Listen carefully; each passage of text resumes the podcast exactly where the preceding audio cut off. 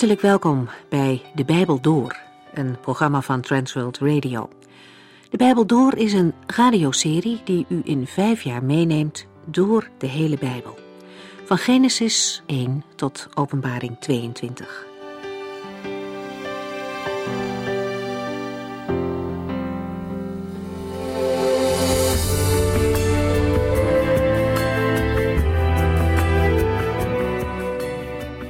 We lazen de vorige keer in Psalm 32. De Heere houdt zijn oog op u gericht. Dat is een mooie uitdrukking om even bij stil te staan. Als de Heere kijkt, dan is dat niet oppervlakkig. Dat gaat veel verder dan een vluchtige blik. Hier staat niet dat hij even kijkt, maar dat zijn oog op u gericht is. Het blijft ook niet bij kijken naar. Als de Heere iemand ziet, dan heeft dat meer de betekenis van omzien naar. De Heere is bijvoorbeeld diep geraakt door de nood van de duizenden mensen wanneer hij ze ziet rondwalen. Hij is met ontferming over hen bewogen en neemt er de tijd voor om hen over God te vertellen. Zo zijn er verschillende voorbeelden waarin de Heere naar de zijne omkijkt.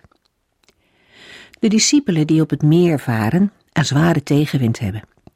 Jezus ziet hen vanaf de kant en komt naar hen toe. Vanaf het kruis, als hij zelf zwaar moet lijden, ziet hij Maria's verdriet en hij geeft Johannes de opdracht om voor haar te zorgen.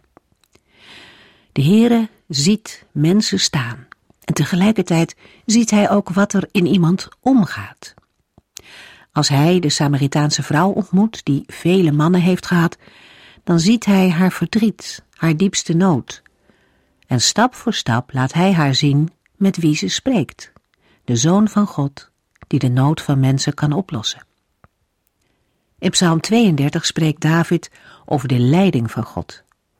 Hij had gezondigd en hij zweeg daarover. Maar ook al wist geen mens ervan, de Heere had het wel gezien. En God liet de moeite toe in Davids leven om hem op zijn zonde te wijzen, zodat hij die zou beleiden en opruimen. Dan komt er weer ruimte voor lofprijzing. Vol vertrouwen zegt David dan dat de Heere hem ziet en de weg wijst die hij moet gaan. De Heere is betrokken en hij laat zijn kinderen niet zomaar de verkeerde kant op gaan. Voor we verder gaan met Psalm 34, nog even wat in 2 Kronieken 16 staat. Want daar staat het zo. Want de ogen van de Heere speuren heen en weer over de aarde op zoek naar mensen die hem zijn toegewijd, zodat hij zijn grote macht kan tonen door hen te helpen.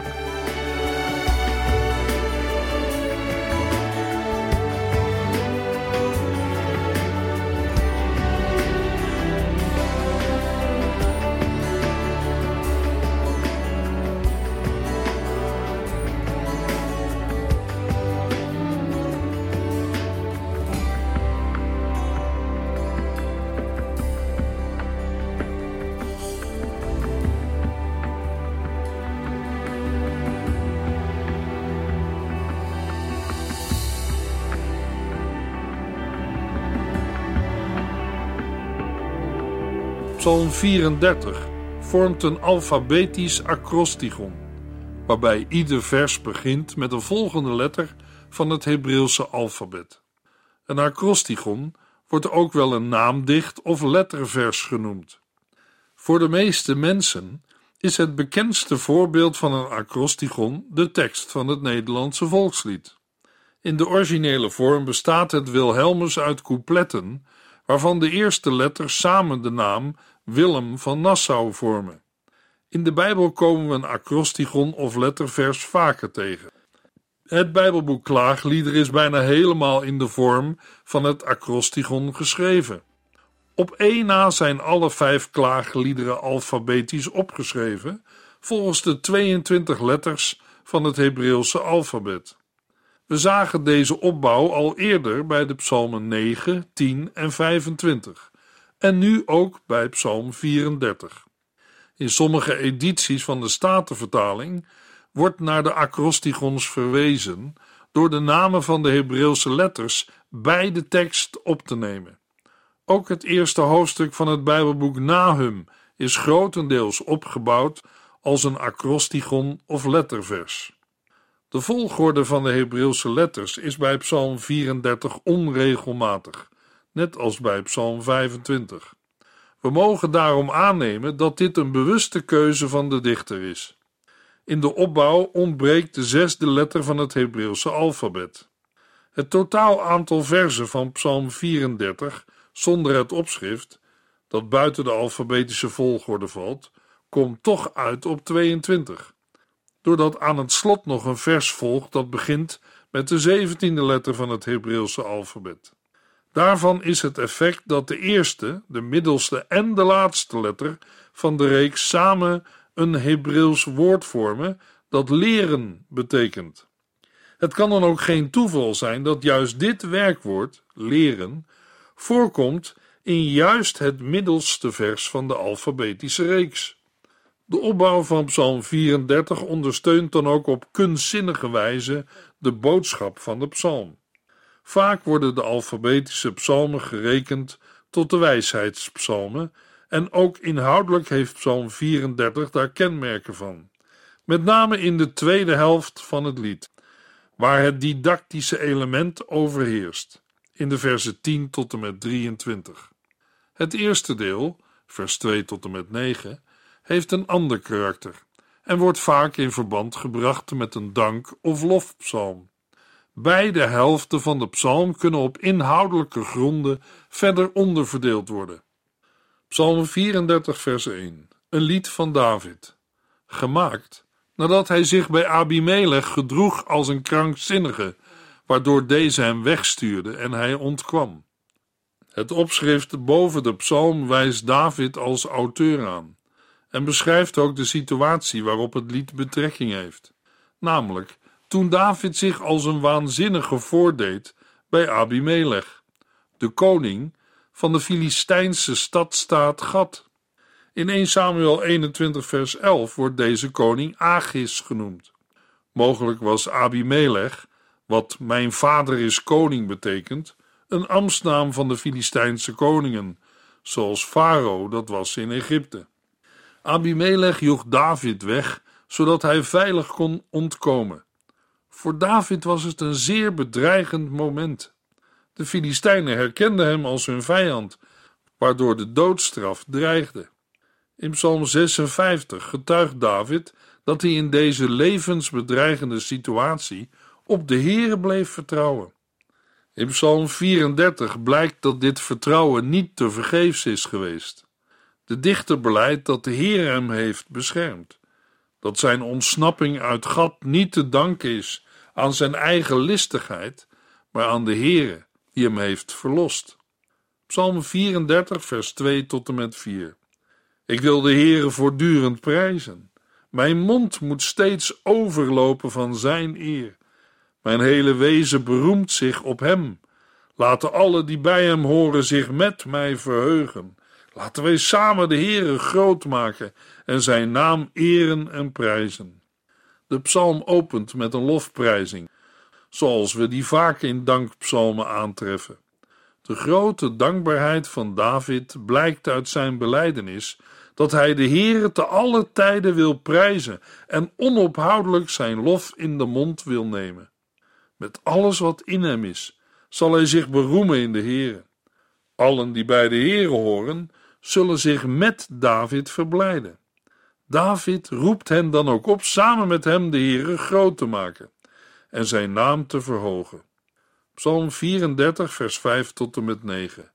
Toen ik de Heere zocht, heeft Hij mij geantwoord. Hij heeft mij uit mijn vreselijke kwelling gered. Wie naar Hem opziet, straalt van vreugde en kan Hem met blijdschap aanzien. Ik was er zo ellendig aan toe, maar toen ik naar de Heere riep, heeft Hij naar mij geluisterd. Hij verloste mij uit alle ellende. De engel van de Heere staat hen die ontzag voor hem hebben altijd bij en verlost hen. Probeer het maar, dan zult u ontdekken hoe goed de Heer is. Gelukkig is degene die bij hem bescherming zoekt. De uitbundige lofprijzing waarmee het lied opent, heeft een concrete aanleiding. De Heere heeft David gered uit benauwdheid. In de volgende verse getuigt hij van deze uitredding. In zijn ellende zocht David de Heere, en God antwoordde hem door hem te verlossen uit al zijn angsten. Wat voor de dichter gold, geldt voor ieder die op de Heere vertrouwt. Daarom beleidt David dat wie op de Heere ziet, zal stralen van vreugde. De Heere zal hen net als David redden uit hun nood. Zij zullen niet beschaamd worden. In vers 7 herhaalt de dichter zijn getuigenis in andere woorden. Door zichzelf te typeren als ellendig, schetst David zijn uitzichtloze situatie waarin hij verkeerde. Maar de Heere hoorde zijn roepen en verloste hem uit al zijn benauwdheden. Net als na het getuigenis in vers 5 volgt op het getuigenis van vers 7 een belijdenis die weerspiegelt hoe David zelf zijn verlossing heeft beleefd. De engel van de Heere staat bij en verlost hen die in God geloven. In vers 9 sluit David zijn getuigenis af met een oproep en een zaligspreking. Hij spoort de gemeenschap aan zelf aan de lijve te ondervinden dat de Heere goed is. Wie hieraan gehoor geeft, wie bij hem schuilt, is een rijk gezegend mens. De engel van de Heere wordt niet meer dan drie keer in de psalmen genoemd. Eén keer in psalm 34 en twee keer in psalm 35. We zijn al eerder op de persoon van de engel van de Heere ingegaan, daarom doen we dat nu niet. Maar ik geloof dat in het Oude Testament de engel van de Heere de openbaring is van Jezus Christus. In het Nieuwe Testament vinden we de term de engel van de Heere niet terug, omdat de Heer Jezus in het Nieuwe Testament een mens is van vlees en bloed. Psalm 34, vers 10 tot en met 15. Heb diep ontzag voor de Heere, alle gelovigen, want wie hem dienen, zullen nooit gebrek lijden. Zelfs sterke jonge leeuwen komen wel eens om van de honger, maar wie de Heere zoekt, komt niets tekort. Kom maar, kinderen, en luister goed naar mij. Ik zal u leren wat het betekent ontzag te hebben voor de Heere. Wie van u houdt van het leven en wil graag gelukkig zijn, houd dan uw tong in bedwang en laat geen leugen over uw lippen komen. Keer het kwaad de rug toe en doe wat goed is. Probeer in vrede te leven. Streef daarna met heel uw hart. Het tweede deel van Psalm 34 heeft een onderwijzend karakter, zoals we dat in de wijsheid psalmen aantreffen. Al sluit de inhoud van met name de versen 10 en 11 nauw aan bij vers 9. De onderwijzing in de versen die volgen betreft het leven in ontzag voor de Heer. Vers 10 begint met een oproep aan alle gelovigen. Dat wil zeggen, degenen die de Heere zijn toegewijd en ontzag voor hem hebben. De oproep wordt gevolgd door een verzekering: wie zo leeft, lijdt nooit gebrek. De slotwoorden van vers 10 worden in vers 11 verder onderstreept met het beeld van een leeuw. Ondanks hun kracht en jachtinstinct komen zelfs jonge roofzuchtige leeuwen wel eens zonder prooi te zitten. Maar wie de Heere zoeken, wie leeft in ontzag voor en vertrouwen op hem, zal het aan niets ontbreken. Bij God telt niet het recht van de sterkste, maar een leven in nederigheid en ontzag.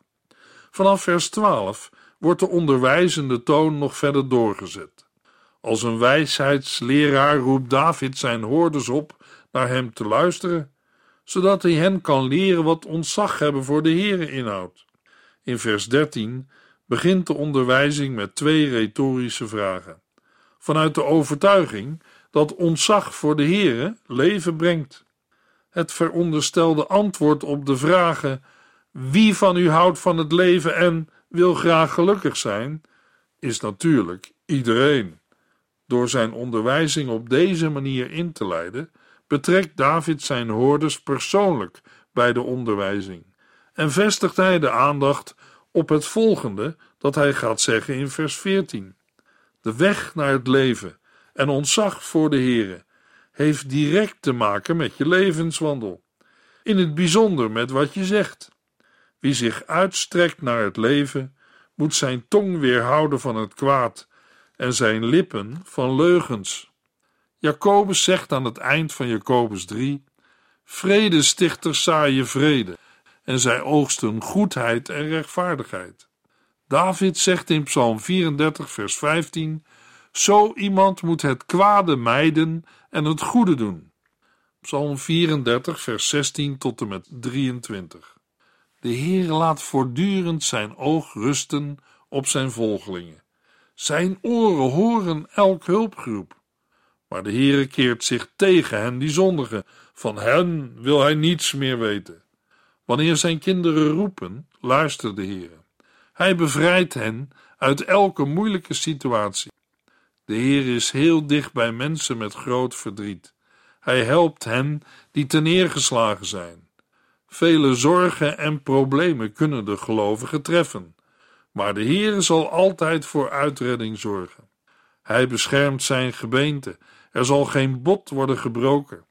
De ongelovige zal sterven door onheil, en wie Gods kinderen haten, zullen daarvoor boeten.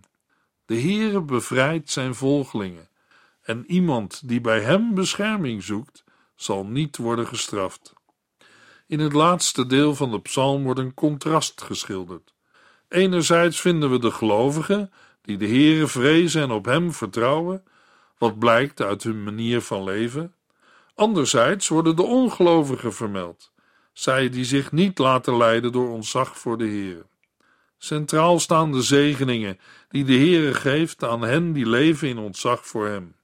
De inhoud van die zegen sluit aan bij het getuigenis dat de dichter in het eerste deel van Psalm 34 heeft gegeven.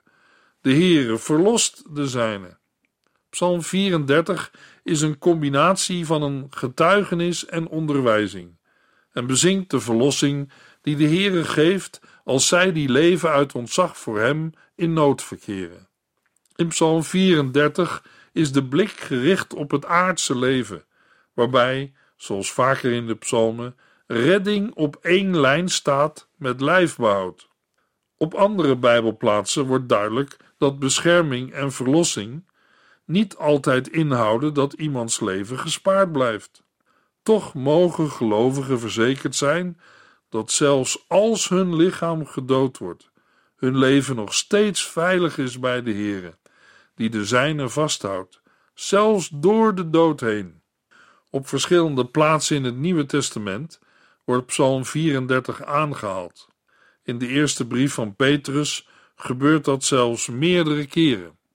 In Johannes 19, vers 36 citeert Johannes vanuit het Oude Testament dat geen been van hem gebroken zal worden, wat vervuld werd doordat bij de kruisiging geen been van Jezus werd gebroken, zoals wel van de gekruisigde naast hem. In het licht van de psalmcitaten over de leidende, rechtvaardige, die Johannes eerder in hetzelfde hoofdstuk citeert, is het aannemelijk dat ook Psalm 34, vers 21 op de achtergrond meeklinkt. Hiermee sluiten we de bespreking van Psalm 34 af en lezen verder in Psalm 35. Psalm 35 is een individuele klaagpsalm, waarin de dichter David zich beklaagt over vijanden die hem aanvallen en waarin hij de Heer om hulp smeekt. Het lied bestaat uit drie delen van min of meer dezelfde lengte. In alle drie de delen bidt David dat de Heer hem te hulp zal komen en zijn vijanden zal treffen met het onheil dat zij verdienen. Daarbij moeten we zeggen dat dit gebed in het eerste en derde deel meer op de voorgrond staat dan in het middelste gedeelte. In het middelste gedeelte overheerst meer de klacht over de vijanden. Alle drie de delen eindigen met een vooruitblik naar het dankgebed dat de dichter na zijn verlossing wil aanheffen. De aanvallers worden op verschillende manieren beschreven. In het eerste deel van de psalm overheersen militaire begrippen en wordt gesproken over vijanden die David naar het leven staan. In het tweede en derde deel gaat het om mensen die over David een vals getuigenis afleggen en zich verheugen nu onheil hem bedreigt. Als de beelden letterlijk worden opgevat, moeten we de psalm lezen tegen de achtergrond van een combinatie van militaire dreiging en ondankbare valse beschuldigingen.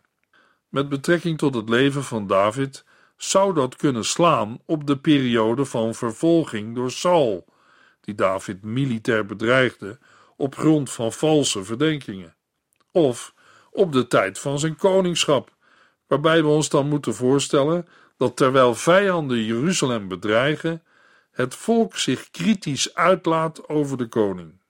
Het is ook mogelijk dat de beelden, of in elk geval de militaire termen, meer duiden op een noodsituatie in het leven van David, waarover in Psalm 35 niet veel wordt gezegd. Psalm 35, vers 1 tot en met 10. Een lied van David. Heren, als sommigen met mij argumenteren, wilt u dan voor mij antwoorden? Als iemand mij aanvalt, vecht u dan voor mij terug. Neem uw wapens op en kom mij te hulp. Val mijn achtervolgers aan. Laat mij weten dat u mij zult verlossen. Laat hen die mij willen doden voor schut staan. Laat hen die slechte plannen tegen mij beramen, beschaamd afdruipen. Verstrooi hen als kaf in de wind. Op het moment dat uw engel hen neerslaat. Zij gaan op donkere, glibberige wegen, en de engel van de Heere achtervolgt hen daarop. Want zonder aanleiding spanden zij een net voor mij en groeven een valkuil om mij te vangen. Ik hoop dat zij zonder het te merken zelf omkomen, dat ze in hun eigen kuil zullen vallen. Ik verheug mij in de Heere, ik zing een loflied over zijn hulp en bevrijding. Alles in mij juicht. Heere, wie kan u evenaren? U bevrijdt arme en beproefde mensen van hun onderdrukkers en berovers. De psalm opent abrupt met een noodkreet, gericht tot de Heere, die wordt voorgesteld als een tot de tanden gewapende strijder. Dat het lied zo abrupt opent, onderstreept hoezeer het water de dichter aan de lippen staat. Er is als het ware geen tijd meer om het gebed in te leiden. De noodkreet heeft de hoogste urgentie. David vraagt de Heere te bevechten wie hem bevechten en voor hem te antwoorden. Nu David de hulp van de Heere heeft ingeroepen, richt hij de blik op de vijanden en het lot dat hij voor hen in gedachten heeft. Daarmee vormen de versen 4 tot en met 8 verwensingen die de dichter uit met betrekking tot zijn vijanden. David wenst zijn belagers toe wat zij voor hem in gedachten hadden. Over zichzelf zegt David dat hij zal jubelen in de God van zijn verlossing. Alles in hem juicht het uit: Heere, wie kan u evenaren? Het veronderstelde antwoord is duidelijk. Niets of niemand kan zich meten met de Heere, de machtige verlosser. In het tweede deel van de psalm, vers 11 tot en met 16, overheerst een lange klacht over de belagers.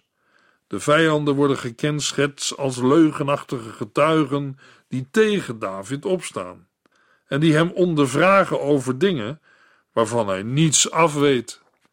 Zij vergelden goed met kwaad en beroven hem van ieder die hem bijstond.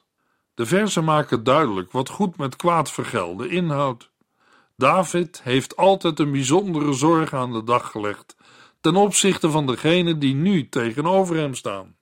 Toen zij ziek waren, trok David rouwkleding aan. Hij verootmoedigde zich met vasten en onophoudelijk bidden om genezing. Hij gedroeg zich alsof het om een vriend of broer ging. Hij boog zich rouwend neer als iemand die treurt om zijn moeder. Maar nu heeft hij zelf problemen. En daar hebben zijn tegenstanders leedvermaak over. Dreigend spannen zij tegen hem samen. Aanvallers die hij niet eens kende, verscheurden hem en houden zich niet stil. Een kring van ongelovige spotters bedreigen hem. Na deze lange klacht spreekt David opnieuw direct de Heer aan.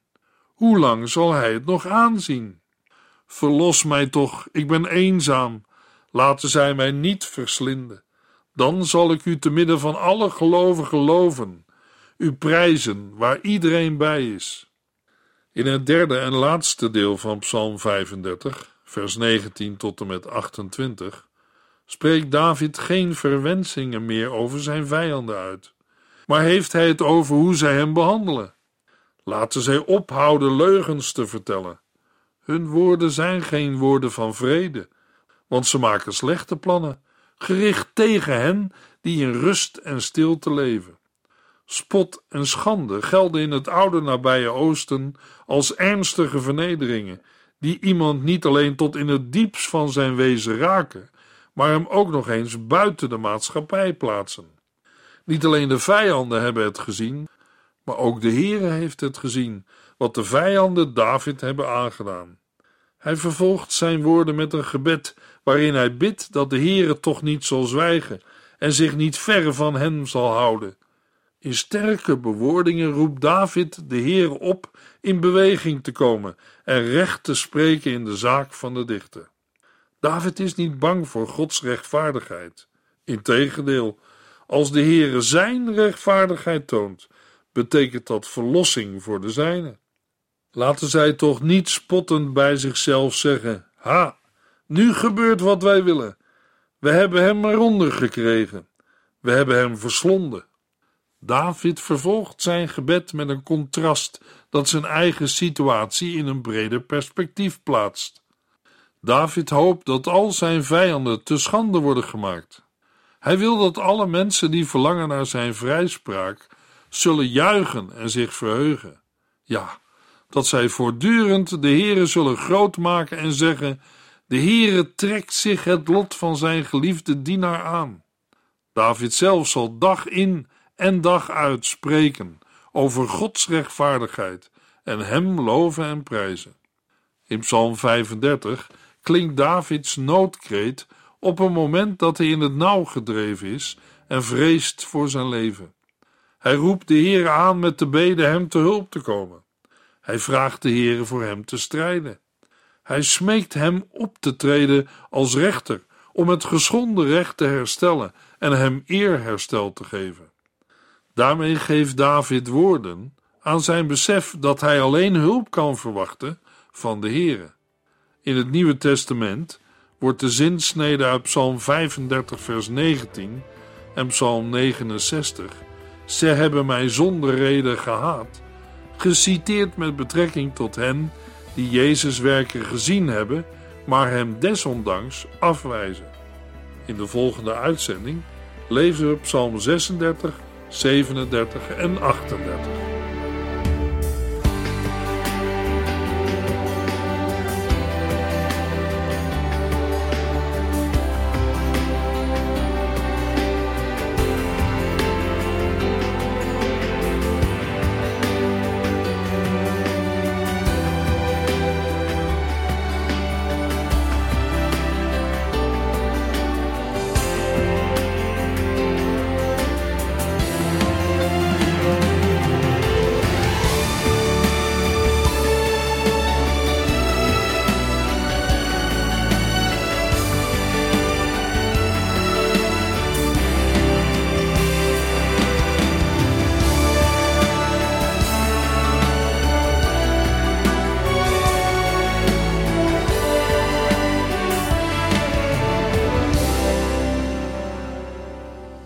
Geluisterd naar De Bijbel Door. In het Nederlands vertaald en bewerkt door Transworld Radio. Een programma waarin we in vijf jaar tijd de hele Bijbel doorgaan. Als u wilt reageren op deze uitzending of u heeft vragen, dan kunt u contact met ons opnemen. Tijdens kantooruren kunt u bellen op 0342 47 8432. 0342 47 8432. 32. Ook kunt u een e-mail sturen naar de Bijbel door transworldradio.nl en natuurlijk kunt u ook via de post ons bereiken. TWR, postbus 371, postcode 3770, AJ in Barneveld. Dit programma werd gepresenteerd door Cor Weda en Ike André. Techniek was in handen van Odin van Woerdekom. En wij allemaal bedanken u voor het luisteren. Graag tot de volgende keer.